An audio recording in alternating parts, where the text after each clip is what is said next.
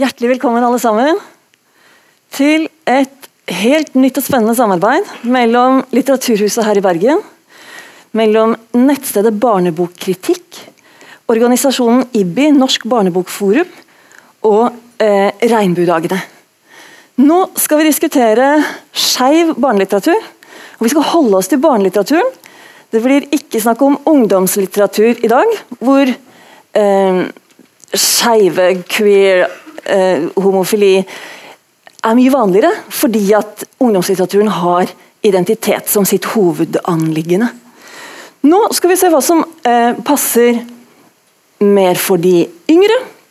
Og eh, en av anledningene til at vi konsentrerer oss om bøker som passer helt ned til barnehagen, det er eh, den famøse Twitter-meldingen til eh, barne- og likestillingsminister Solveig Horne. Er det helt greit at barnehagene leser homoeventyr for små barn? Det, er, det her begynner å bli noen år siden. Dette var 2010. Eh, da det fra regjeringshold gikk ut en etterlysning til norske barnehager, et ønske om at at, skulle, at, barn i barnehagen skulle presenteres for et større eh, mangfold når det gjelder både kjønnsmangfold og seksualitetsmangfold. Det er to ulike kategorier. Da jeg vokste opp, så snakka vi bare om seksuelt mangfold. Nå snakker vi også om kjønnsmangfold. Så når dere ser de bøkene som ligger framme som eksempler der bak i salen, så vil dere finne begge deler. En kategori med veldig tøffe jenter, en kategori med gutter som liker å danse og kle seg i kjole, og eh, diverse avarter av konstellasjoner mellom eh, mennesker av samme kjønn. Her i panelet, ytterst Steffen Sørum, eh, forfatter, redaktør hos Cappelen Dam. Hjertelig velkommen. Så har vi illustratør, forfatter og tolk, kanskje først og fremst for tiden, Justina Nyka. Det er hun som har lagd eh, bildeboka, som dere ser på skjermen bak her. Så har vi eh, tegneseriekritiker, og litt litteraturkritiker også. Walter Veum. Vehus, unnskyld. Og så har vi eh, Hilde Arntzen. Du er rådgiver. Det er rådgiver det er litt sånn mystisk betegnelse, men hos Rosa kompetanse. Du reiser rundt på skoler for å lære opp ansatte eh, i mangfold. Kjønnsmangfold. Ja, og seksualitetsmangfold. Og seksualitetsmangfold. Mm. Jeg skal begynne med å fortelle eventyret. Drømmeprinsen 2010 var det du lagde den, var det ikke det, Justina? Nå husker jeg ikke.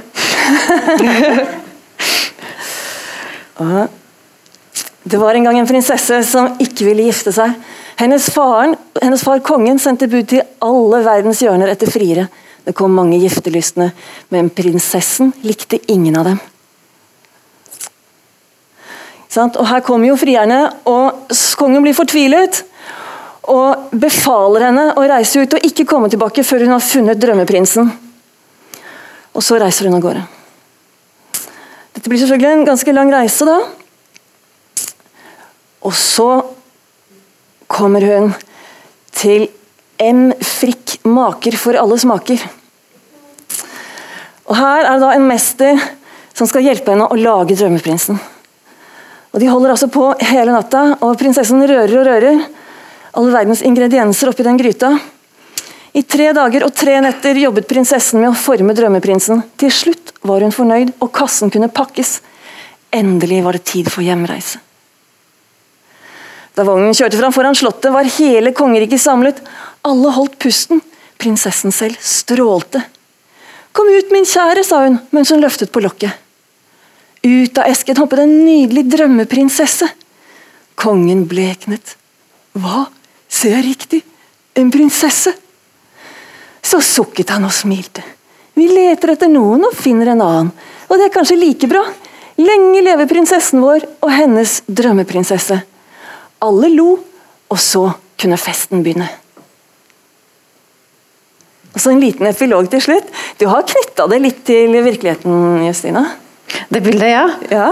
Det er ikke bare eventyr? Nei, nei, det er bildet fra barndommen min. Ja. Hva, motiv, hva, var motivet ditt for å lage denne boka? Mm, det skulle være egentlig en uh, liten historie om å realisere sine drømmer og sine ønsker. Og I utgangspunktet så visste jeg ikke hvordan det skulle slutte. Men jeg tenkte at man må lage en eller annen litt ny vri. Så denne avslutningen ble egentlig litt sånn eh, tilfeldig og av seg selv under leken. Så du hadde ikke politisk tanke om det? Nei, Jeg er absolutt ikke noe politisk menneske, nei. Ja, for du jobber intuitivt, eh, har jeg forstått? Ja, riktig. Men intuisjonen din altså, Du kommer fra Polen, ikke sant? Riktig. Hvis du nå hadde bodd i Russland og ikke i Norge, ville intuisjonen din kommet opp med dette da? Mm, jeg tror det. Jeg tror at intu- intuisjonen er trofast til eh, den den hører til. Så jeg tror ikke at jeg hadde blitt annerledes om jeg bodde om det var i Russland eller eh, et annet land i verden. Vil du våge å gitt den ut? I Russland? Ja. jeg tror det. Absolutt. Ja. Den, det ble veldig stille da denne boka kom. Riktig. Regjeringen hadde altså ønska seg flere eh, homoeventyr i barnehagen. og eh, Likevel så ble vel boka så vidt anmeldt i VG. Men Du er kritiker, Walter. Eh, hva tror du er grunnen til at en sånn bok får så lite oppmerksomhet? Er Vanskelig å si. Eh, Altså, journalister og kritikere er jo ekstremt glad i nettopp denne type bøker som man kan bruke som en knagg nettopp for at det er naturlig å tenke her at å, her kan vi lage en, en større sak om nettopp denne tematikken i barnebøker. Her kan vi ha noe aktuelt som vi kan, kan gripe fatt i. Eh, så det, jeg tror langt ifra at det var noen sånn eh, At det var en eh, fortielse, en eksplisitt fortielse, men kanskje mer det at eh, kritikerne ikke fikk med seg at denne boka hadde den tematikken. For det kommer ekstremt mange barnebøker og bildebøker hvert år, og barnebokkritikk også har jo problemer med å nå gjennom en prosentdel av de. Så Nei, for jeg vet i hvert fall at Pressemeldingen fra forlaget den bruker, brukte ikke ordet homofili. Den la mye mer vekt på at dette var et annerledes eventyr. Og, og de kunstneriske kvalitetene Var det dumt? Skulle du ønske at den hadde vært lansert mer politisk, selv om Nei, det ikke var din Nei, intensjon? Det, det syns jeg det hadde vært helt uriktig, for det var ikke noe politisk bok. Og jeg ønsker at eh, boka skal synes som den den er, og ikke fordi den har akkurat tilfeldigvis en eh, politisk aktualitet i seg. Hilde, denne boka den er ikke på anbefalingslista til Rosa kompetanse. Hvorfor er den ikke det? Eh, nå når jeg ble invitert til denne debatten, så måtte jeg gå tilbake igjen og lese den litt eh, nøyere. Og da fant jeg jo noen kvaliteter som jeg ikke eh, så sånn utgangspunktet. Så det er ikke sånn at vi ikke vil anbefale den. Eh, men når vi reiser rundt, så har vi tre bøker som vi anbefaler for de aller minste.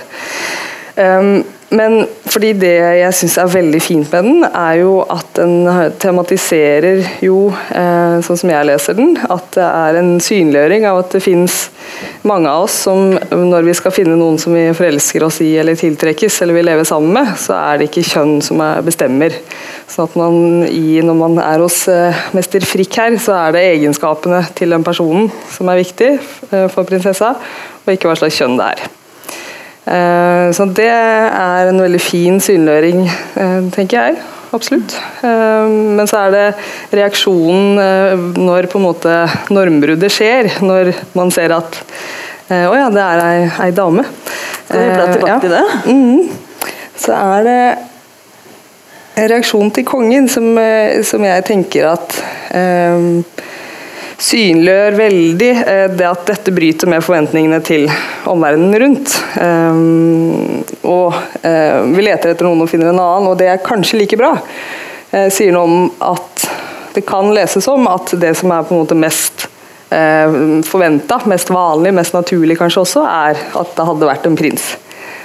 Så selv om det på en måte ender jo fint, absolutt, så er det noe som, vi tenker at eh, at vi anbefaler i større grad litteratur hvor denne, det bruddet med forventningene rundt ikke er så, at det er så i fokus.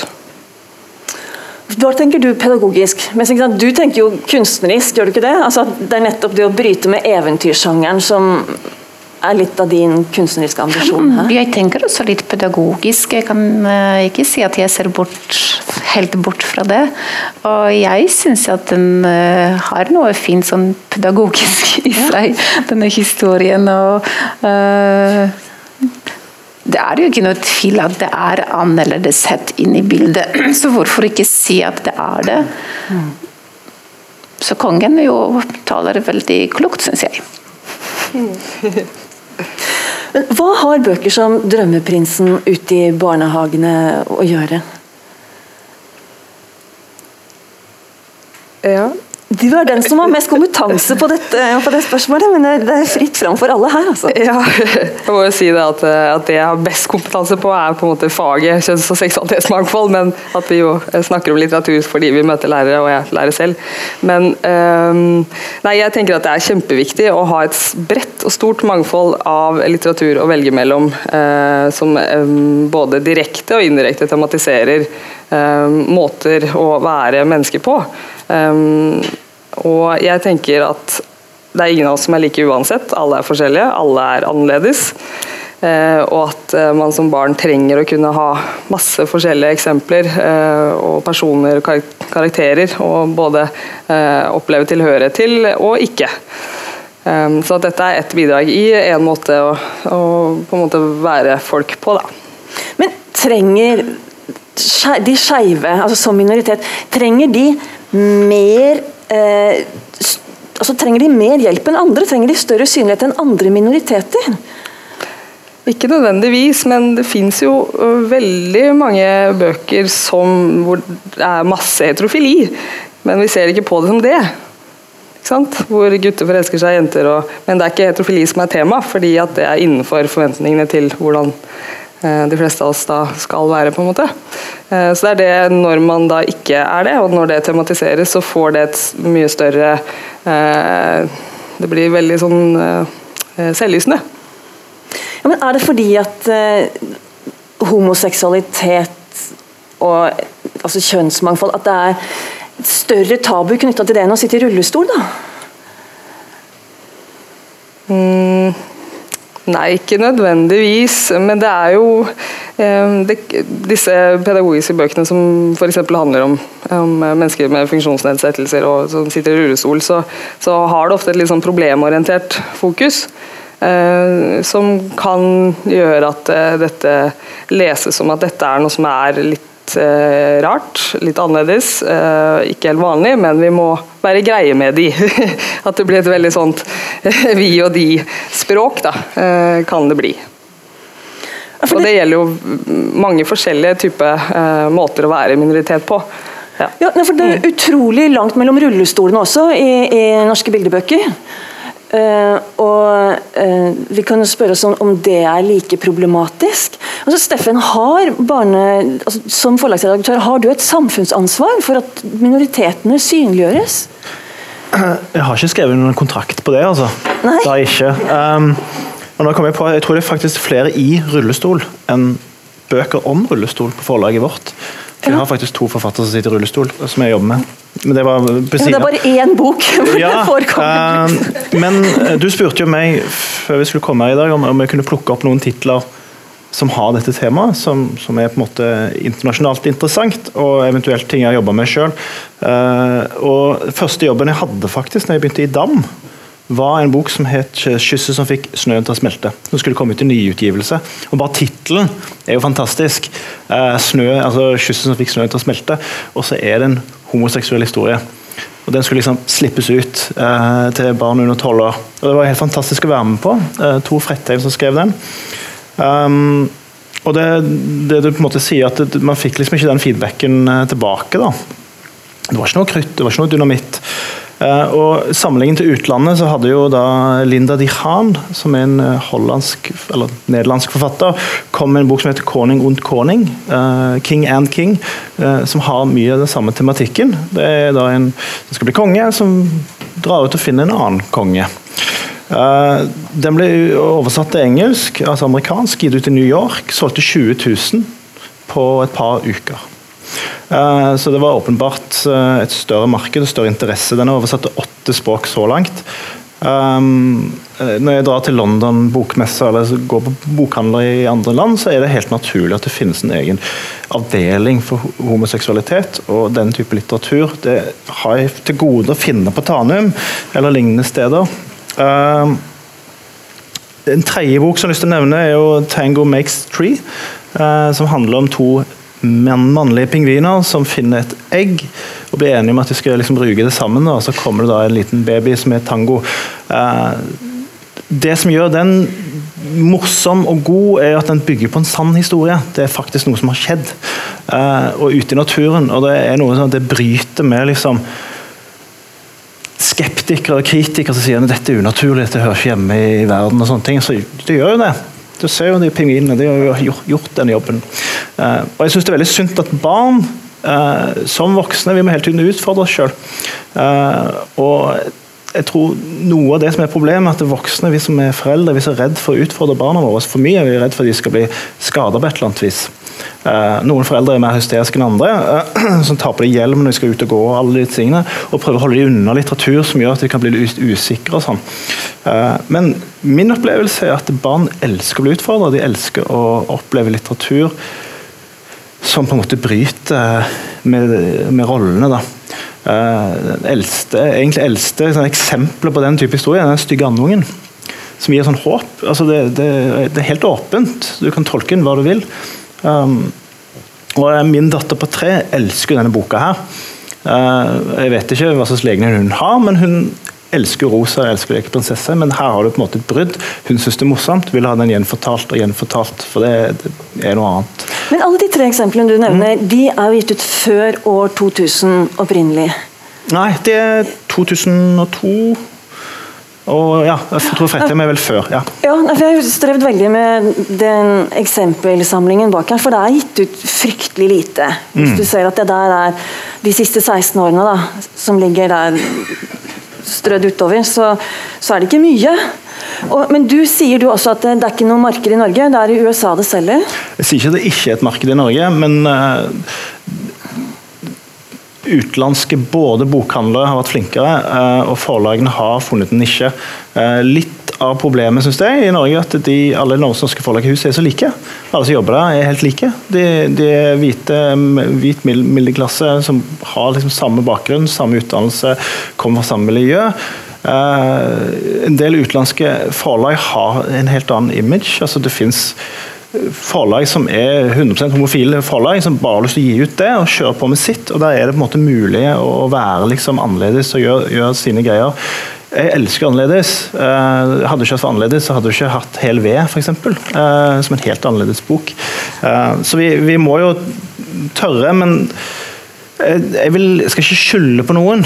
fordi det, det bunner, hele bunner hele tiden i at jeg som redaktør skal gi ut gode historier og gode fortellinger. Jeg skal ikke liksom drive og dunke barn i hodet med moral og, og sånne bøker som Se, de er homofile, de bor sammen, de har det fint. Uh, for det er ikke en historie. Alle vet at en god historie er en konflikt. Uh, du skal ha en konflikt med en gang. Det skal være noe som bryter.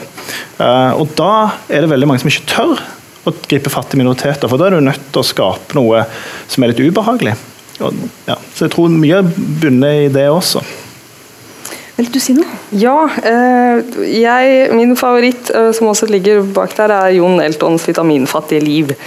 Fordi der syns jeg eh, eh, det at foreldrene til eh, Jon Elton, som jo er et artig sånn ordspill som da kanskje vi voksne leser, men ikke barn, de er jo da homofile begge foreldrene, og faren er aleine, men ikke mora.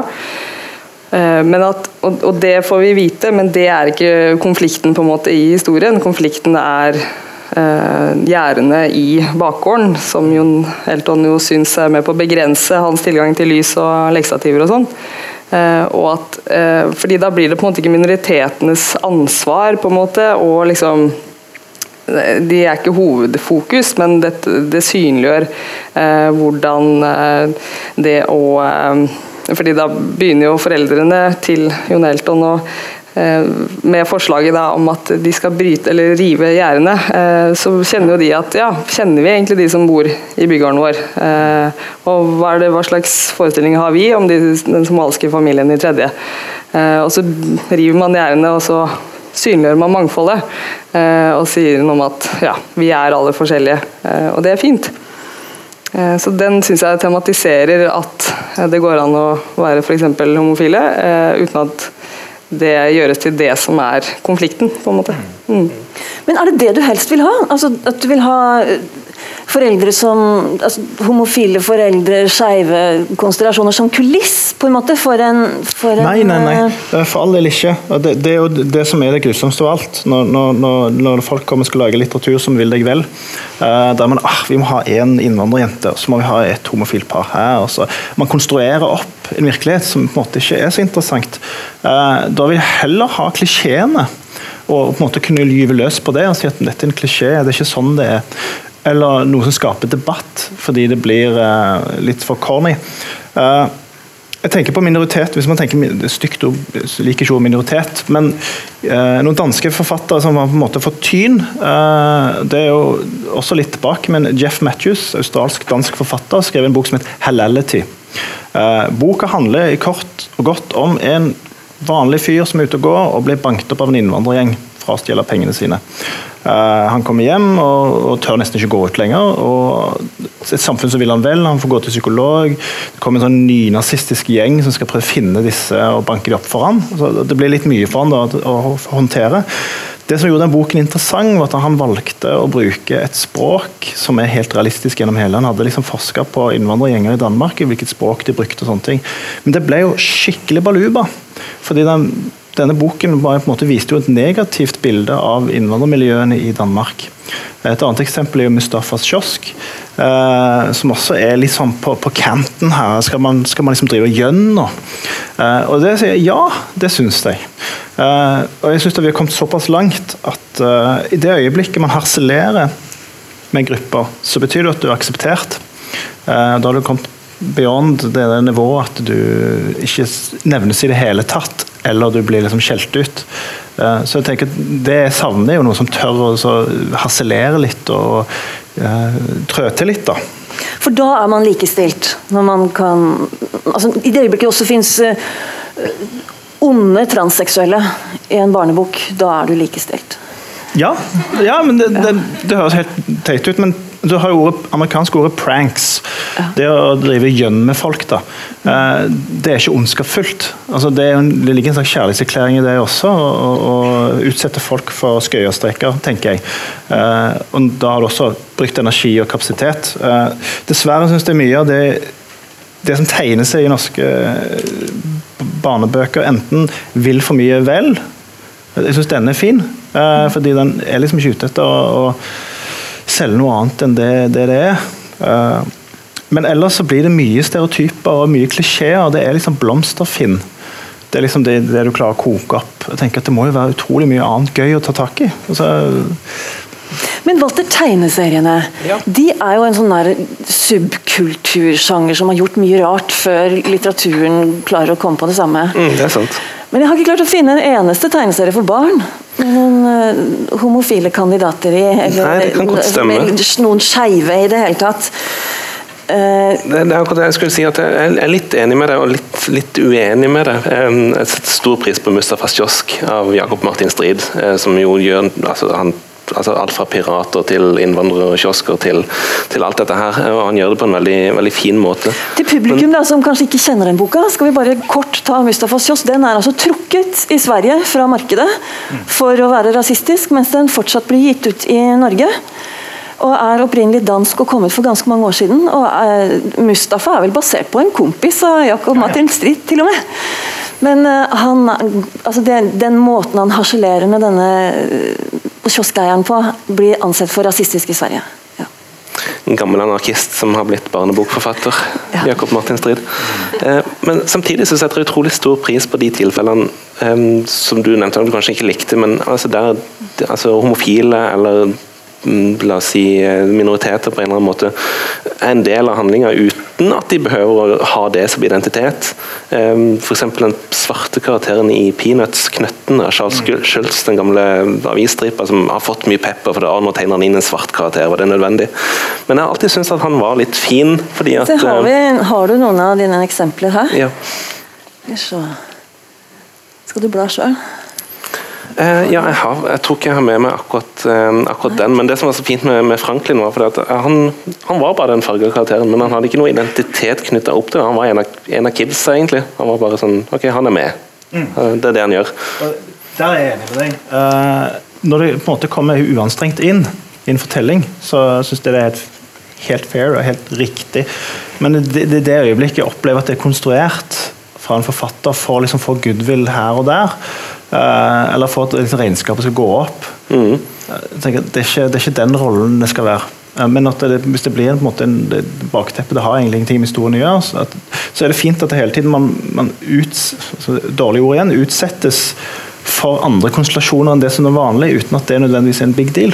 Eh, og Mitt inntrykk er at stort sett barn, spesielt før de liksom kommer på ungdomsskolen og begynner å synes alt er pinlig, så er det ofte aldri et problem, så lenge ikke de voksne gjør det til et problem. Nei, de har jo, altså Forskning har jo vist Jeg leste nylig det var en eh, medieforsker ved MIT som hadde funnet ut at eh, altså, altså Studier viser at det å se homofile par i populærunderholdning eh, det, det minsker fordommene eh, folk og barn har mot de gruppene. Og at det gjør barn enda mer nysgjerrige på verden, på mangfold, på, på liksom å se at, at det finnes mer der ute. Men noen av de eksemplene som eh, vi har med her, det er jo eh, Du har med fra Mummien, f.eks. Ja. Altså, og da er det sånn man må på en måte høre til den gruppa for å kjenne seg igjen. Altså, du, altså den, den kan gi leseren en følelse av ok, jeg er ikke alene, men den bidrar ikke til å bygge ned fordommer. Fordi at de utenfor vil jo bare se noen gode venner. Sant? Ja, kanskje. Eh, Men jeg har alltid satt pris på som har vært, altså Første gang jeg leste, leste Mummitrollet, så tenkte jeg at ok, dette her er en, en barsk sjøulk som hjelper de å bygge en båt. Eh, Og Etter hvert som jeg leste mer Mummitrollet, fant jeg ut at nei, dette er faktisk en, en kvinnelig figur. Eh, Og det var liksom litt eh, var ikke det jeg forventa av en kvinnelig figur i Mummitroll.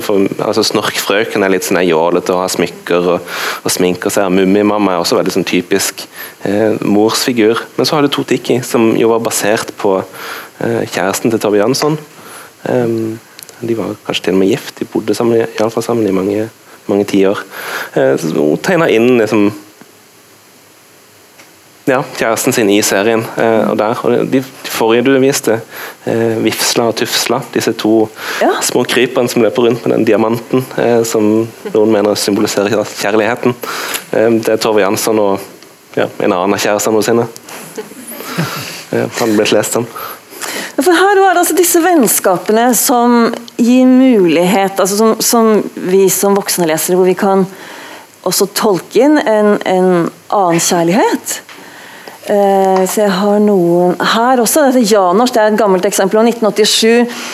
eh, Her er bjørnen og tigeren som, som sitter der og, og holder hverandre i hånda i sofaen. Og så har vi nytt eksempel. Det er Unni og Gunni. Som jo i teksten er gode venner, og i tegningene kanskje er litt mer. Det kommer an på øyet som ser. Og da er det Er dette lettere å selge, Steffen? For det er, det er som jeg, altså jeg tenker litt sånn, Ja, du er ikke alene, men samtidig som jeg tenker at det blir ikke nok til å bygge ned fordommer. da. Det er ikke tydelig nok til å bygge ned fordommer. Men nå vil ikke jeg sitte her som sånn bankkatedral, eh, styrebank, at man skal gi ut bare ting som selger. Uh, men jeg tenker at det må være en allmenn interesse for å lese en historie. At du, du, du må nå flere enn en begrenset gruppe. Og, og det, titt ofte så får jeg liksom møte, sier at jeg jobber med barnelitteratur, da jeg er på fest, så er det sånn Ja, vi har adoptert barn. Kanskje dere gir ut en bok om noen som adopterer barn? Jeg men, tenker, ok, men hva skal det handle om? Uh, for det er jo det som avgjør om det er en god historie. Det, og Noen ganger så kan det være nok. Eh, vi hadde en illustratør-forfatter som er adoptert, som begynte å skrive på en bok som handler om en gutt som er blå. Eh, det syntes jeg var spennende. Han fikk, jeg er ennå ikke ferdig med den historien. Eh, men der var det så mye å spille på, for det handler om så mye annet også. Og du kan lese inn så mye annet enn ja, i det sjøl. Ja, eh, fordi det er derfor jeg tror jeg liker eh, Jon Heltons 'Vitaminfattige liv' så veldig godt. Fordi at den ikke er begrensende i måten den tar opp ja, det, et samfunn, da, et minisamfunn i en bygård. Eh, fordi at jeg tenker jo at i forventningene knytta til kjønn og seksualitet, så ligger det så veldig, veldig mye, særlig kanskje knytta til kjønn. Eh, Men ofte så opplever jeg at når litteraturen da, særlig barnelitteraturen da skal ta opp kjønnsmangfold eller kjønnsnormer, eh, så handler det om at gutter kan danse, eh, og at jenter kan være tøffe og ikke like rosa også. Men det handler om så veldig mye mer, fordi også forventningene knytta til til eh, kjønn, så ligger det jo også i at du skal forelske deg, og at du skal forelske deg i det motsatte kjønn, og eh, hvem du skal gifte deg med, at du skal gifte deg når du blir stor. Det ligger så veldig mye mer inni det, og ikke minst det at, eh, at alle eh, En forventning om at alle er enig i det kjønnet som ble gitt da, da du var liten. Eh, sånn jeg føler at man kan vie ut veldig mye mer da, i den tematikken enn det som eh, f.eks. ligger eh, der nede nå. Men det er jo snakk om en babyboom, er det ikke det? Blant eh, homofile og lesbiske. Det begynner å bli en, en god del eh, barn med eh, foreldre av samme kjønn som kan trenge å kjenne seg litt bedre igjen. Det må jo snart begynne å bli et marked. Jo, men det har vært marked lenge. Eh, Det må bare komme noen gode historier. Selv Disney har jo begynt å lure det inn. Eh, Har de det nå? I Zootropia, den nye filmen som går på kino, så er det to eh, hjorter eller antiloper som bor sammen i en leilighet. og de, de er begge to, to menn, og de krangler som et gammelt ektepar. Og Du tenker liksom at ok, kanskje de bare er gode venner, men når du kommer til rulleteksten, så har de samme etternavn. Det veldig godt gjemt.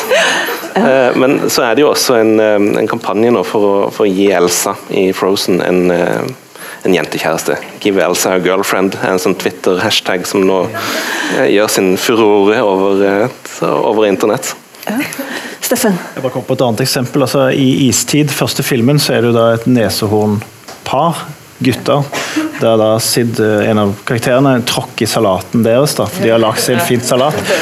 Og de blir jo steike forbanna, og de skal ta, knuse og drepe dette lille vesenet. Og da tenker jeg at igjen, de, de, går liksom, de tør liksom harselere, eh, og så velger de et litt sånn annen type dyr enn det man kanskje ville trodd. Altså neshorn, som er litt sånn stort, muskuløst, uten noe særlig hjerne. Altså, det er jo litt sånn, du risikerer jo å få tyn, men det fungerer så utrolig godt. Og for, for barn så er det ikke den første referansen de får, ja, det er sånn homofile neshorn. Men, men de blir liksom utsatt på det, sånn snikinnførelse at det er liksom greit. To, to neshorn kan spise salat sammen. Men, men samtidig så kan det jo bli for diskré òg, har jeg tenkt. Et lite quiz-spørsmål her nå. GK Rowling har sagt at det er én homofil karakter i Harry Potter-universet. Vet dere hvem det er? Ja, få høre. Humlesnurr, rektor Ja, nettopp. Og det vet vi jo vet vi, altså, Har noen lagt merke til det, eller vet vi det bare fordi hun har sagt det? Vi vet det fordi hun har sagt det? Eh, nei, jeg tenkte på det når jeg leste historien om eh, Dumbledore og eh, denne onde trollmannen som jeg må ikke huske navnet på. At det, ja, det hørtes ut som en Det hørtes ut som en forelskelse. Eh, mer enn bare et vennskap, egentlig. Eh, så jeg tenkte på det da. Men jeg har ikke tenkt nå leser jeg en homofil karakter. Det, det har jeg ikke. Ja, for det er liksom, hvis man må være homofil for å kjenne det igjen, så tenker jeg da blir det veldig snevert. Har jeg rett i det?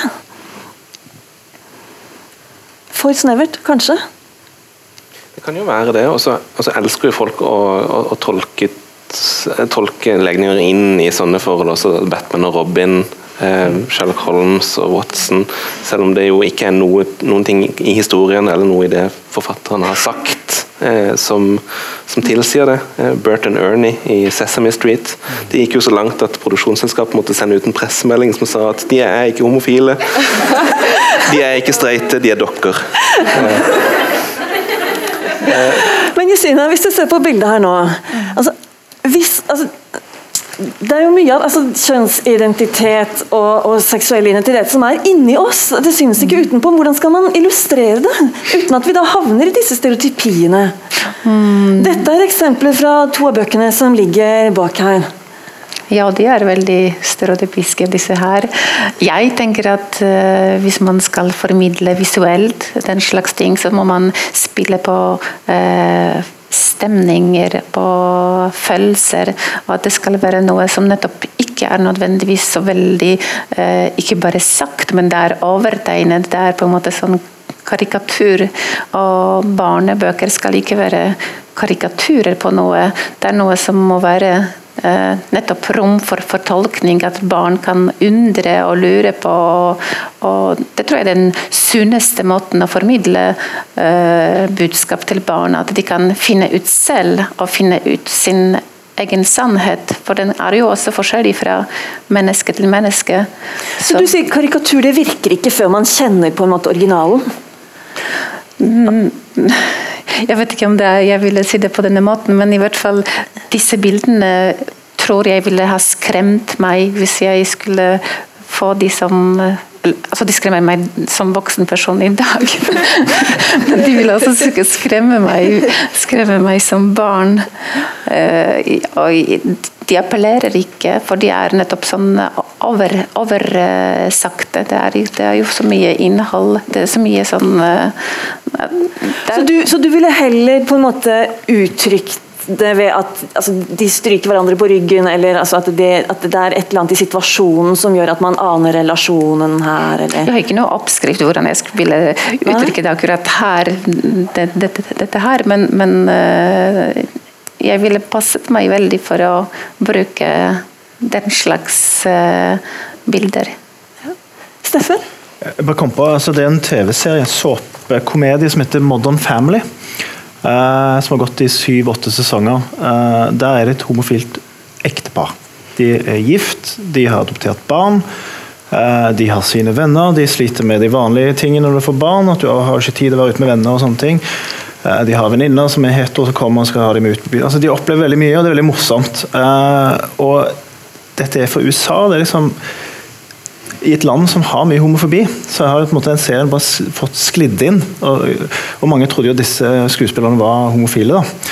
Eh, at de var gift, for de klarte ikke helt å skille de rollene. Eh, pluss at det er morsomt for oss heterofile, da, for det er jo ting man ikke tenker på. fordi de, de skal da eh, møte da et lesbisk par. og det, Vi homofile og lesber de går ikke sammen. Det, liksom, det bare funker ikke. og Så gjør de en scene ut av det. og så tenker jeg at det er mye som bygger på humor.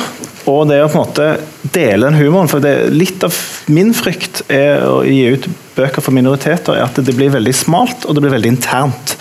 Sånn som du sier, at hvis, de, hvis du må være liksom homofil for å forstå, så er det kanskje ikke så gøy altså, å gi det ut heller, eller lese det for andre. Uh, men jeg tror det, det vi var inne på i begynnelsen, at det er liksom viktig at det skal sive inn i all form for, for litteratur eller kultur. da for å få, få aksept. Hilde? Ja, og så tenker jeg at sånn som i Modern Family, da, hvor eh, den ene karakteren Cameron i dette paret, som kanskje er den mest som ligner på stereotypien om en uh, homofil mann eh, Hvis man blir kjent med han, så ser man at han er, bryter med veldig mange forventninger i den stereotypien. Han er jo den som kommer fra gård og som skryter fælt av hvor sterk han er. og ja, ikke sant. Eh, og det tenker jeg vi trenger også i barnelitteraturen når det gjelder dette temaet. At vi får hele mennesker. Mm. Eh, fordi altså vi er, Noen av oss ligner jo eh, skremmende lik, holdt jeg på å si, mistenkelig lik en stereotypi, men vi er jo ikke det. Eh, og, og det å også være nært opp til en stereotypi er ikke noe feil. Det er, noe, det er, jo bare også en måte å være på, men veldig ofte så, når man tilhører en minoritet, så kjenner man på en sånn minoritetsstress. At hvis man ser uh, mange mennesker som blir for mye fokus i media eller gjennom ja, litteratur eller hva det skulle være, som ligger tett opp til stereotypien som finnes der ute, så kommer på en måte majoriteten til å tenke at ja, da er jeg sånn også. Da er alle sånn, da. Og så blir man stressa for det og får et, kanskje behov for å si at ja, nei, men jeg er i hvert fall ikke sånn. Eh, for å på en måte legitimere seg selv. da. Eh, Så jeg tenker at, eh, at det er kjempeviktig å vise hele mennesker som har- masse forskjellige sider, som vi jo alle har. Sant. Og jo yngre barna er, jo færre sider er det vel plass til. eh. men, men se på prinsessen til Justina her. Hadde du turt å prøve deg på henne? Altså, Jeg hadde jo ikke turt, for jeg ville jo tenkt at hun var hetero. Hadde du turt? Ja, kona mi ser litt sånn ut. ja. Nei, hvordan tenkte du, Justina? Altså, altså, hvordan skulle du lage en sånn visuelt lage en, en, en lesbisk kvinne der? Mm, jeg tenkte ikke på å lage lesbisk kvinne, jeg tenkte på å lage en kvinne. Og det, at hun er lesbisk, det er jo Hva så da? Ja, for der, også, der har vi en dame som det er litt eh, med litt, sånn, litt bredere skuldre. Det er ikke dame. Det er ikke en dame, nei! Nettopp! Adamseplet fikk jeg ikke med meg i første runde der. Så her har du lagt inn litt skeivere mangfold.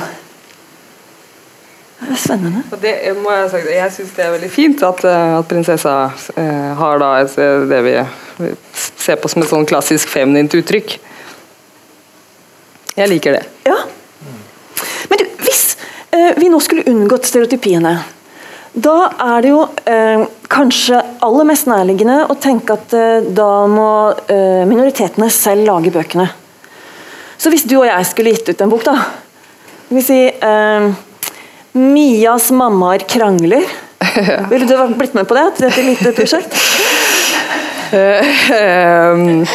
Ehm, ja, altså Intensjonen hadde jo vært utelukkende god, men ja. jeg vet ikke om jeg egentlig har kvalifikasjonene på Nei, men det, vi, ser, vi ser bort fra det nå. akkurat Ja, okay, nå, for nå skal okay. vi bare høre her. Uh, Justina, kunne du tenkt deg altså Det høres litt pedagogisk ut, kanskje. Kunne du tenkt deg illustrert noe sånt? Mm, det høres altfor pedagogisk ut. Ja, det gjør det. Hva hadde skulle til, Steffen, for at vi skulle fått gitt ut Mias mammaer krangler? Altså, Litt av utfordringen i barne- og ungdomslitteratur, altså barnelitteratur, da, eh, er jo at på den ene siden så er det jo kunst. Eh, Det er litteratur. På den andre siden så er barne- og ungdomslitteratur også offer for at det er brukslitteratur, fordi barn og ungdom skal lære å lese, de skal lære om forskjellige tema. Og Da har du det pedagogiske.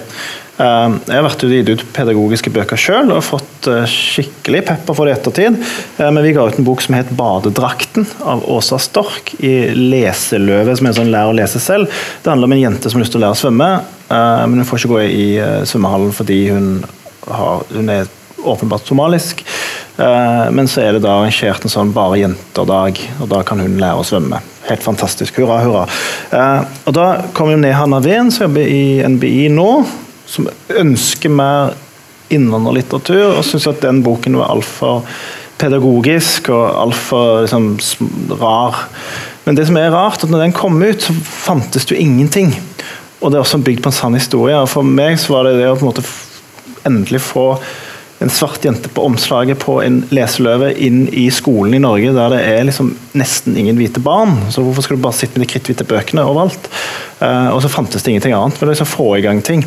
Uh, og da tenker jeg altså, Uansett hvilken minoritet det er, så du må liksom bare tror jeg, finne de gode historiene og, og få de ut. Uh, når det, når det kommer til skjev litteratur, så tenker jeg at vi har kommet såpass langt. Det, det er så innarbeida i hele kulturen vår og har vært i mange hundre år. Så det er liksom ikke nødvendig å være så pedagogisk, tror jeg. Da Eh, Da vil jeg heller grepe fatt i karakterene og de problemstillingene, og slippe ut det hele mennesket. da. Men det er jo, selv om det har kommet langt, så er det jo så få bøker. Så det, behov, det er jo et visst behov her, da. Så, Ja, men det er det det? vi- vi- det er jo spørsmålet er det behov for det. Og hvem Ja. har det behovet? ja, vær så god. Har Nei, nei, men jeg, altså, jeg stiller spørsmålet er, er det sånn at hvis, du, hvis det er to menn som har barn, er det sånn at de må ha bøker som handler om to fedre, eller er det ikke det? Er det uproblematisk? Eller er det et stort ønske om det? Og hva mener, hva syns barn Altså jeg tenker at eh, liksom, Det er jo et åpent spørsmål. Jeg ser for meg at man kanskje alltid vil ha Man vil gjerne alltid ha iallfall én bok om det. Altså, Ja. Når du er småbarnsforelder, så er det sånn Vi skal ha én bok om dette. Nå skal, nå skal vi flytte. Nå må vi ha en bok om å flytte. Yes. Eh, dette her handler litt om oss, vi må ha den boka. Tannlegen. Tannlegen, ja. Alle disse tingene her. Um, så det er nok ikke det at bokhylla skulle være utelukkende eh, eh, homofile pingviner og, og den type ting, men man, man vil ha den ene boka, ser jeg for meg. Jeg tror alle foreldre vil ha en bok som handler om at barna skal sove. Jeg tror det er liksom pri én. Hilde sin tur. Ja, nei, jeg tenker at øh, for, øh, for barn som vokser opp, eh, så er det ekstremt viktig å ha disse bøkene. Eh, og gjerne et større volum på det, at det fins flere, så at det fins både ja, eh, bøker som er gode sånn litteraturkritikermessig, eh, og ting som bare synliggjør at det fins. Fordi, eh, fordi I Rosa kompetanse så er vi ansatt i FRI, tidligere LLH, eh, så vi får jo telefoner fra, fra unge eh, som ringer. Eh, og Det er ikke lenge siden jeg prata med en elleveåring som bor i Oslo, på Nesodden, som eh, i mitt sånn min forestilling er et sånt lesbisk paradis. Eh, Det bor veldig mange skeive familier. Eh, Men denne elleveåringen kjente ingen andre. Hadde nesten ikke hørt om at det gikk an å forelske seg i jenter. Så hun fikk jo helt panikk når hun skjønte at hun gjorde det. Og det er liksom i 2016, i Oslo på Nesodden. Eh, og det er det som vi eh, opplever en del av, at eh, vi har en forventning om at vi har kommet lenger enn vi tror. Eh, og at for veldig, veldig mange så handler det om hvem du har rundt deg. At man er jo prisgitt som barn hvem man lever, lever sammen med. Eh, sånn at det å ha litteraturen som en ressurs som barn kan på en måte ty til, hvis ikke de rundt deg eh, er med på å synliggjøre det, det tenker jeg er kjempeviktig. Steffen. Ja, så Tooji, som eh, sikkert er kjent blant de fleste, han har jo gitt ut en barnebok hos oss som heter Taki. Eh, Det var jo stor forventning til forlaget, for her har du en kjekk ung mann som skal gi ut en bildebok, og det må jo bli kjempebra. Det var masse etterspørsel på forhånd. Alle ville ha den ut i butikkene til signering, og hurra meg rundt. Og så lager han en musikkvideo som ikke bare handler om å være skeiv, men i et kirkelig rom, og det var ikke måte på. Eh, og Da opplevde vår saksavdeling at det ble kansellert en hel rekke signeringsrunder. Eh, jeg tror jeg er mer skuffa enn Tooji, for, for jeg tenkte at det her er så sprøtt. Men det, det er business. Det er sånn det er. Det er akkurat sånn det faktisk er. Eh, det er. Når det kommer til det kommersielle marked, så er ikke nødvendigvis det å, være skeiv stuerent i alle kretser. da. Så da had, mener den videoen hans har en funksjon. Den, den trengs. Eh, og på den måten så er jeg enig i at man, man trenger litteratur som på en måte gir spesielt barn, da, som står ofte på egne bein, noe å holde tak i. Noe som de kan identifisere seg med, og gi ekstra styrke da, i å være seg selv. Så da sier du at eh, ja, litteraturen har et samfunnsansvar til en viss grad i å, å bygge ned fordommer. All kunst har det, eh, men det er jo det at det, det skal liksom være usagt. Eh, jeg har jo mine eh, hva skal jeg si, eh, ambisjoner for litteratur når jeg jobber med litteratur. Det ene punktet er å få mest mulig barn til å lese og bli kjent med litteratur, sånn at de er i stand til å plukke litteratur selv. eh, og være i stand til å finne gode bøker, finne litteratur og leve med litteratur hele livet.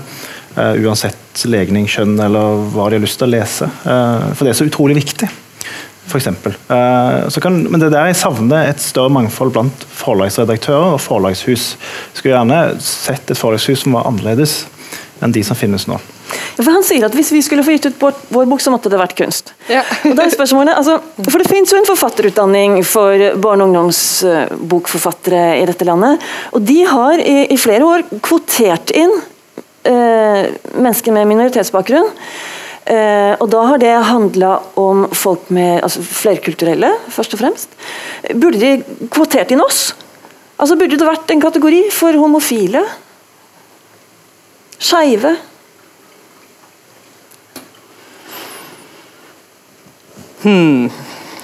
Eh, Kanskje en stund, til man så at eh, nå løser dette seg litt av seg selv, fordi at nå er det flere som hiver seg litt mer på banen. Eh, men jeg tenker at, eh, at det ikke skal være et mål at det er skeive selv som skriver eh, inkluderende litteratur for barn. Eh, Men jeg er sikker på at vi ville gjort det bedre, forstår du? Tror du det? Ja, jeg tror, ja, jeg tror det. At det handler jo om hvilke livserfaringer du har. At du kan bruke det når du skriver. Ja, kanskje. Men jeg tror at, eh, at eh, sånn på et høyere nivå at eh, vi trenger en større bevissthet alle sammen om at vi er en del av et kjønns- og seksualitetsmangfold, alle sammen. Om man så er heterofil og cis. Og at vi trenger å lære mer om det, fordi dette er temaer som vi lærer svært lite om i utdanningene våre, f.eks. Og alle jobber med mennesker stort sett, og vi trenger å lære å snakke mer om det. Så jeg tenker jeg, Vi kan gjerne prøve å ha litt sånn rosa kompetanse for, for forlagsfolk og forfattere, altså, hvis det er et marked for det. Så at eh, flere inkluderer disse temaene på, i arbeidene sine. Ja, for Det er altså enkelte ganger jeg blir irritert og vondbråten, og sånn, og det er sånne filleting. og det er liksom, Nå må jeg bare spørre, Er det meg det er noe i veien med, eller er det denne boka? Eh, dette er altså en fagbok om hjernen. Og jeg tok meg i å bli litt såra av denne. For nå er det først er, det liksom, er guttehjernen lik jentehjernen? De største forskjellene mellom gutter og jenter finner vi dypt inne i hjernen, der det er et lite område med hjerneceller som gjør at de fleste gutter blir tiltrukket av jenter, og de fleste jenter, jenter tiltrukket av gutter. Ok, Så langt er det greit. Kan, dette tåler jeg. Men så kommer det om igjen, på neste side. De fleste jenter forelsker seg i gutter, og omvendt. Ja, vi, vi, kan jo bare si at det, kanskje han ikke hadde trengt å gjenta seg selv, men eh, det er hjerneceller dypt inni hjernen som bestemmer dette. Hjernen velger hvem du forelsker, seg, hvem du forelsker deg i. Tenk om den boka hadde begynt der. Altså dette, dette kapitlet hadde begynt der. Hjernen velger hvem du forelsker deg i. Du bare hadde strøket dette med hva som er vanlig. For jeg følte meg altså så unormal etter å ha lest dette. Jeg kjente meg ikke sånn unik på en positiv måte. Og nå er spørsmålet, er det meg? Altså, Må jeg bare slutte å ta meg så nær av sånne ting? Eller er det forlagsredaktørene som kanskje burde stryke litt mer? Ja, det er ikke vår bok, bare som det. Nei. Ja, men desto større grunn, kanskje, da. Gyldendal. Desto større grunn Steffen, til å si at det burde de sannelig gjort. Mm. Nei, men tenker Du på sånne, du leser jo en haug med manus. Jeg leser en haug med manus, eh, det gjør jeg. Og, eh, og vi alle driter seg ut på et eller annet tidspunkt på en eller annen ting. og derfor tenker jeg at I livet så må man tørre å gjøre feil. Uh, det Men er var, dette feil? Nei, jeg vet ikke. Uh, det er mer uinteressant, syns jeg kanskje. Uh, men jeg ble såra.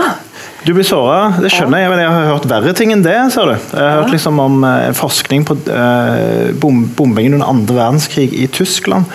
Bl.a. i Dresden, der amerikanerne slapp tonnevis med brannbomber forskere som fant ut at det var usedvanlig mange homofile barn som ble født i det området, og mente at hele homofilien handla om at man var stressa under svangerskapet. At det var en sykdom eh, der kroppen naturlig gjennom stress fant ut at her var ikke noe vits å få barn, så derfor skulle barnet bli bare, bare, å koke opp sånne tanker, da, har det ikke noe, noe bedre å gjøre. Um, en annen ting som jeg, Men da er vi enige om litt bevisstgjøring hadde vært bra? Ja, jeg synes det var veldig, veldig friskt når Endre Lund Eriksen kom med 'Den sommeren pappa ble homo'. Mm. Nå snakker vi ungdomsbok her. Ja, ja Men bare tittelen er igjen kjempegøy. 'Den sommeren pappa ble homo'. Altså, hæ? Du kan ikke bare bli det, du er født som det, eller plutselig så kommer du ut av skapet. Altså, det er så mye å gripe fatt i. Uh, og så er det uh, du, du, du, du, blir ikke tatt på senga hvis du leser den boken. Det er ikke sånn at Du skjønner hva det handler om. Um, så jeg tenker at man må hele tiden veie opp for frykten for å gjøre feil, med å faktisk gjøre noe som er veldig veldig riktig. Og Det er igjen humoren som er best. Dessverre så er vi i et land som er veldig dårlig på humor. Eh, fordi vi i barne- og ungdomslitteraturen er vi er et lite land. Eh, så når vi lager bøker, så til disse fem millioner innbyggerne så er vi helt avhengig av Kulturrådet. Eh, mitt inntrykk er at Kulturrådet liker ikke humor. Uh, for Hvis du er for mye humor i boken, så vil de ikke kjøpe det inn. Det står til og med i retningslinjene for innkjøp. Humor kjøpes i regelen ikke inn. Ok, ja, men det, da, da har du løst mye. Um, men jeg tenker at hvis det, ikke, hvis det ikke er humor, så igjen, konflikt må det være. Humor er veldig bra, for det avvæpner en del konflikter. da Uh, nå sier jeg ikke at det er konflikt hvis man er skeiv, men ja, follow the thought, da. Um, og da hvis, hvis, man hele tiden skal forholde seg til kunst og kulturrådet, så, så blir det veldig lite gøy skeiv litteratur. Uh, så, så ja. Men vi vil i hvert fall nå ut. Vi vil prøve at, altså, at rett bok skal ut til de som trenger det mest. Og da er det noen forsider òg som jeg har uh, hengt meg litt opp i. Eh, dette er Cappelen Dam, skjønner du, Steffen. Hvis du lyver. Jeg hadde med meg den på turné i Nordhordland. og den forsida. Når jeg spør elever i barneskolen hva de syns om den forsida, så vil de ikke lese den boka fordi den ser sånn ut. Um, og det handler altså om eh, eh, en jente, Klara, hvis ikke jeg husker feil, som er forelska i den to år eldre keeperen på fotballaget. Og det er faktisk helt uproblematisk for henne. Det er første gangen jeg har lest om en jentekjærlighet, i en bok for mellomtrinnet, såpass unge, altså for såpass unge lesere, hvor eh, den, altså den homofile forelskelsen ikke er et problem. Det, det den blir presentert innledningsvis. Det er ikke en sånn 'å, så skjønner hun', og så må hun finne ut hvordan hun skal leve med dette. Hun bare aksepterer dette. Og så er det noe med hvordan skal hun få denne jenta til å bli interessert i henne selv? Altså det der Hvordan vi- vinne den utkåres gunst, det er jo et problem som alle kjenner igjen. Eh, mens forsida syns jeg er et, eh, gir inntrykk av at hun har noe å skamme seg for. Det er min påstand. Hva sier du, Justina, som har litt eh, høyest bildekompetanse her? Mm, jeg vet ikke, Det er ikke nødvendigvis skam i det, men uh, det er noe hemmelighet som uh, ligger her på, på lur. Fordi Det er ikke mer hemmelig da enn i andre kjærlighetsfortellinger. i den forstand at Du vil ikke at de andre i klassen skal vite hvem du er interessert i, for da kommer de til å erte deg. Så Det er noe, det er ikke noe mer hemmelighetsfullt her enn det, men det blir, veld, blir veldig tungt vektlagt. Hvis du ser de to andre forsidene jeg har tatt med, så er det eh, også eh, bøker om forelskelse. Sjette klasse. Med forsider som nok også skal appellere til gutter. ikke sant? Både gutter og jenter. Det blir ikke de der kjemperosa, glorete forsidene. Men med, med et forsøk på sånn appell til begge kjønn. Tja. Ja, nei? Jeg syns den første er den mest spennende. Jeg syns de to andre er bare kjedelige. Kjedelige, ja. Ja. For altså mine, mitt testpanel da, de går altså for de til høyre heller enn en den til venstre. Selv om når de, når de blir tvunget til å lese dette, det har jeg også tvunget noen til å lese dem, eh, eh, da eh, får en veldig høy score hvis du lyver. Fordi det, disse jentene som eh, spiser forelskelser til frokostlitteratur, altså de som leser veldig mye, de ble så glad for å få lese en bok som var litt annerledes. Det blir litt som i 'Drømmeprinsen'. altså det, er en, det er et brudd med forventningene som de setter kjempestor pris på. Og også gutter sier at de kjenner seg jo litt igjen, da. Det der å være forelska i hun der jenta som er litt eldre og litt uoppnåelig, og at ingen skal få vite om det. De kjenner seg igjen. Så det var, morsomt. Og de eh, med muslimsk bakgrunn sa at eh, den er, det litt forbudte med det, det bitte litt forbudte med det, det, det gjorde det også veldig spennende for dem. Så det er en, en bok som bare har liksom forsiden mot seg, da, hvis, du, hvis du tenker bare rent sånn på mitt testpanel. Men dere reagerer ikke. Dere syns ikke denne er liksom solgt inn bare for spesielt interesserte, da? Jeg, jeg syns den ser eh, litt sånn eh, voldsomt dramatisk ut. Eh, og, og jeg syns hun ser lei seg ut. eh, Litt sånn voldtekt, tenker jeg. ja, den eh, snakker ikke forlokkende til meg.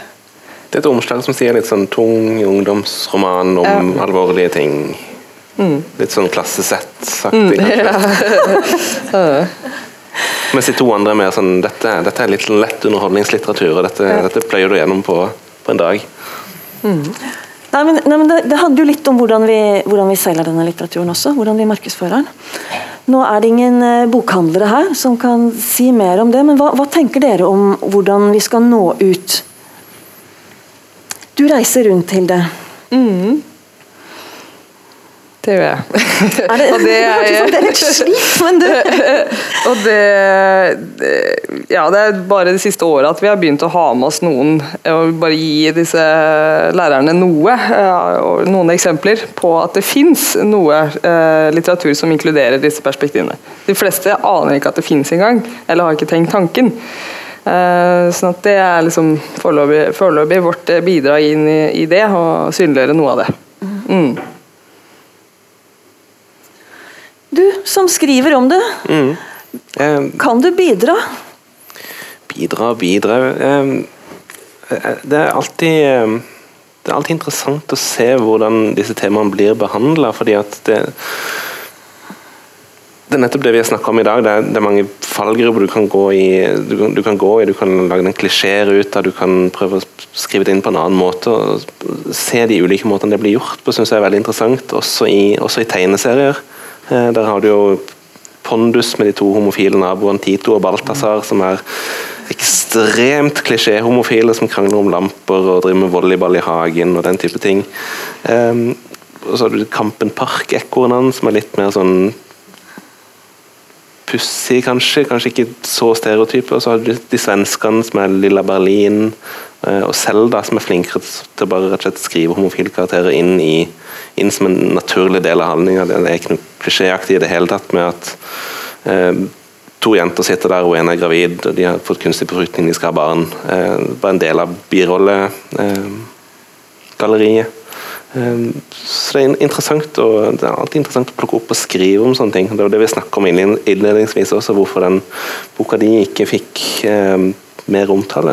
Det jeg syns det er rart. Ja, for Er barnelitteraturen og, og, samfunnet ellers litt i utakt her? Altså, Er barnelitteraturen på etterskudd? Eller sier vi det bare fordi vi sitter i en by? Altså Hvis vi hadde nå sittet langt ute på bygda på Sørlandet, så hadde vi kanskje syntes barnelitteraturen lå altfor langt framme? ja, altså, nå gikk jo verden av skaftet pga. Skam på NRK. Eller i hvert fall folk over 40 gikk over skaftet. Um, men for meg som har jobbet med barne- og ungdomslitteratur i 13 år, så er det sånn Hæ? Vi har gitt ut uh, bøker om dette så lenge jeg har jobba med det. Debut av Taren Bjørnstad er et kjempeeksempel på den type litteratur. Uh, debut handler jo da om en fest der du følger seks av karakterene på den festen. Du får liksom oppleve festen på forskjellige sider. Uh, og det er i hvert fall like rått uh, og like ærlig like brutalt. Det er ungdomslitteratur, så vi skal ikke snakke så mye om det. Uh, men jeg tenker at norsk barne- og ungdomslitteratur internasjonalt blir sett på som veldig sånn i front. Uh, vi tar opp temaer som ofte er litt sånn tabu. Uh, vi er jo så triste og leie og alt er så fælt, men det er pga. kulturåret at vi ikke lager humorbøker. Så vi er blitt eksperter på sånn uh, kreft og død og Homofili og sånn. ja, det er sånn ja, fantastisk når det kommer endelig en, død, en ny dødsbok fra norsk forfatter. Det står for utenlandske forlag i kø. Så nei, jeg, jeg, tenker at vi, vi er flinke her. Vi har forfattere som Gro Dale som tar opp det ene ubehagelige temaet etter det andre. Ikke nødvendigvis sånn som alle barn skal lese, for da tror jeg det er ganske mye engstelige barn hvis de skal lese alle de bøkene hennes. Men det er målretta tema, det går inn på ting. Eh, jeg gleder meg veldig til andre omslag dere skal komme til etterpå, for det har jeg vært redaktør på. Eh, så du har liggende skjult bak der. Uh, kanskje bare vise meg en gang, jeg, jeg klarer ikke å vente. Fordi dette er dette er en bok eh, som handler om en gutt som liker å kle seg ut som jente. Eh, egentlig ganske banal historie, og og blir gitt ut i en serie. altså Hele seriedesignet er jo heslig. Det er tolv år gammelt, så flott. Men det vi gjorde, vi skulle ha et bilde av en ung gutt som var sminka som en jente. Eh, og for å få fatt på en gutt som ville gjøre det, Uh, uten å få betalt. Han skulle få noen bø bøker. Uh, det var ikke så lett, men vi, vi fikk, fikk, en gutt til å stille opp. Han ble sminka og ble tatt bilde av, uh, av, en av Norges beste fotografer. og vi var veldig spent sånn i ettertid, for jeg får litt sånn tenkte shit, jeg bare sjekke om han lever, eller om han blitt mobba, eller hva som skjedde. Men det var stor stas, da. Og vi fikk også mye plusspoeng på den boka. Det er en av de få skeive bøkene gitt ut der jeg har fått respons. Men fra, fra, lesere som likte å kle seg i kjole. Da. Det var, for de så med en gang det var en gutt. Uh, motsatt uh, bokhandlere syntes det var rart at det var bilde av hovedpersonen, altså jenten, på omslaget. For det var jo mer spennende med gutten. De hadde ikke skjønt at det er en gutt som er sminka. Så det var, det var, veldig stas. da. Hvordan har den solgt i forhold til de andre i denne serien? den serien ble jo nedlagt uh, pga. seriedesignet. Um, og, men den gikk overraskende godt. Uh, dette er tolv år siden, det var en helt annen virkelighet enn i dag. når det gjelder barne- og ungdomslitteratur. Uh, så Ingunn Aamodt var veldig tidlig ute med å ta opp uh, litt sånn transkjønna problematikk, mens de to siste årene så har det jo kommet veldig mye mer av det, i hvert fall i ungdomslitteraturen. Men Ingunn Aamodt er en spennende forfatter fordi hun uanstrengt klarer å beskrive et ungdom- og barnemiljø der det er andre ting som skjer enn det som er liksom stuerent og klokkerent. Og, ja, hun har en serie som heter Marlene Evensen, som er, handler om unge jenter. Som er litt sånn nesten skamaktig, men der er det litt sånn drøye ting som skjer. og De, de har fester som går ut av kontroll, og det kommer masse folk. altså hun tør på en måte å gjøre, gjøre en del ting som eh, jeg føler veldig mange forfattere skal være så politisk korrekt. Der er Ingunn Aamodt litt foran. Hun tør å drite litt i, disse rammene som gis. og Det tror jeg er til skeiv litteratur også. at eh, Hvis man hele tiden blir trykt på hva som forventes av en, så må det være litt punk og litt deilig å på en måte gjøre noe annet. Og da er det kanskje ikke akkurat å skrive en, altså, Det samme som innvandrermiljø. det er ikke liksom når du endelig har gått på forfatterlinjen så skal du gi ut en bok, så det er litt kjedelig å måtte gi ut den store innvandrerromanen hele tiden og så forsvare det å være innvandrer. og Du blir litt lei av det òg, så det er deilig å gjøre noe annet. Så, de... så, jeg må bare få gjort den der eh, Mias mammaer krangler først, så får vi se når jeg liksom har fått det ut av meg. Liksom. Du, nå, skal, nå er det ti minutter igjen. Vi åpner for spørsmål fra salen. vi.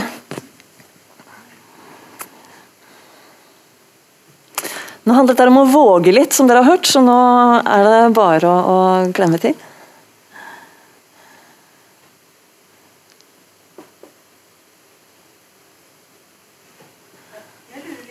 Vet det kommer en mikrofon til deg også. Ja.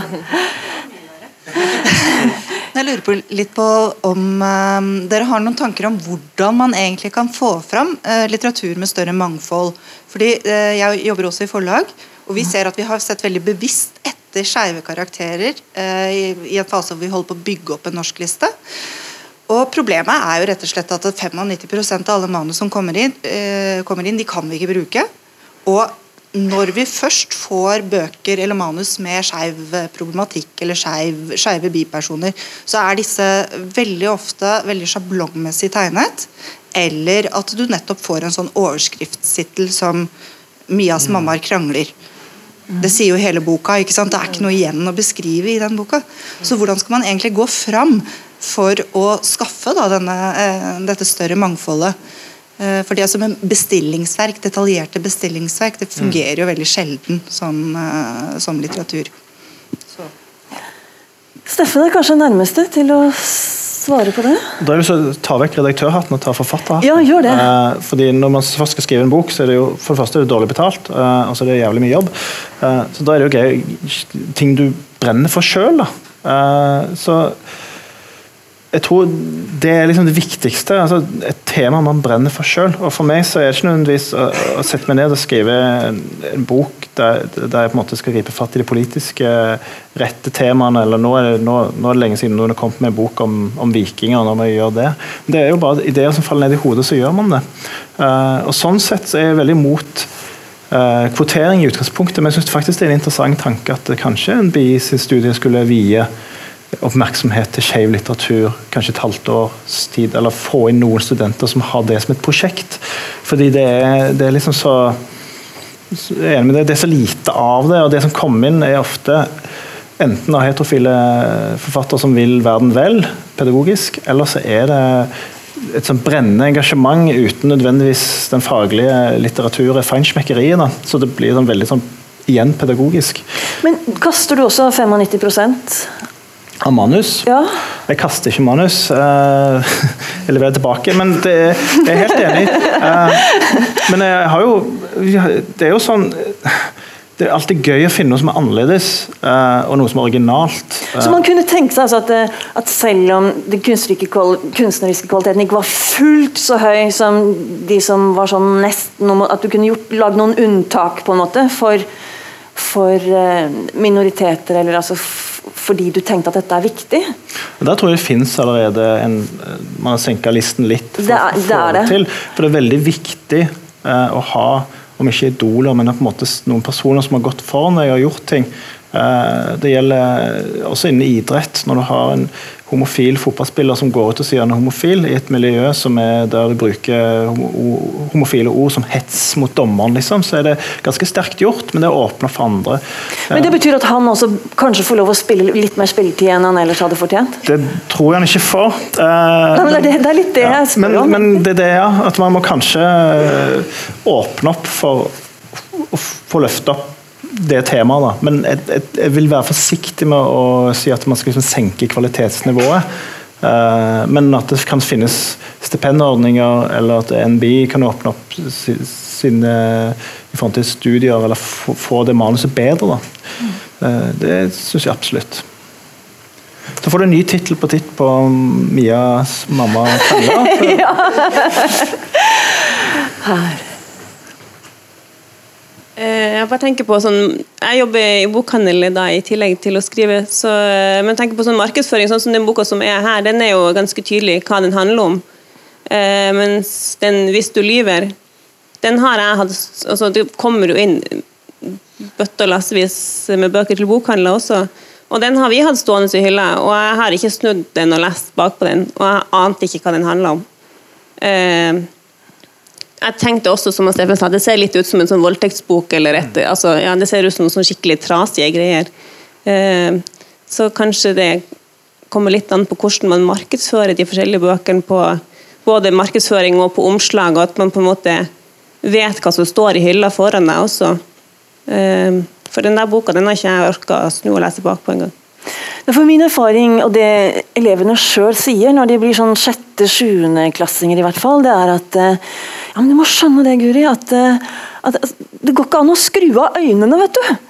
Og det er liksom det, det, er det bildet. Det, det fester seg mer enn baksideteksten. sånn at hvis du ikke liker omslaget, så er det umulig å ta boka med seg, med mindre du på en måte får abstinenser hvis ikke du har noe å lese liksom, når du står opp neste morgen.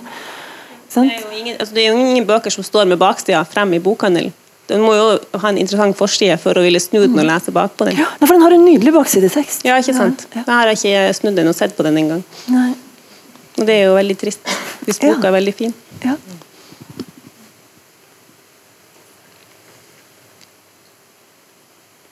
Eh, Dere har nevnt litt om skole. Eh, Jeg bare lurer på hva tenker dere skole har med det å videreføre denne her eh, inngangen til litteraturen som vi snakker om her i dag?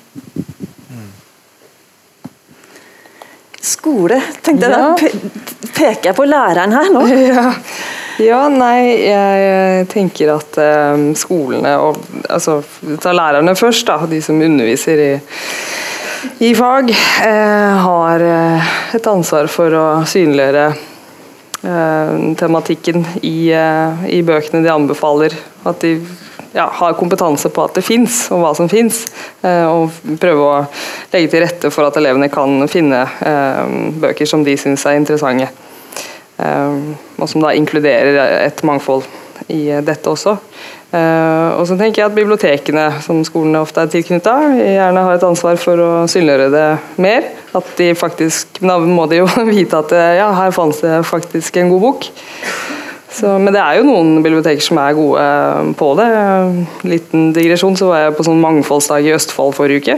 Og da hadde biblioteket i Sarpsborg valgt å vise mangfold den dagen gjennom å vise hva slags bøker de hadde på eh, LHBT-tematikk. da.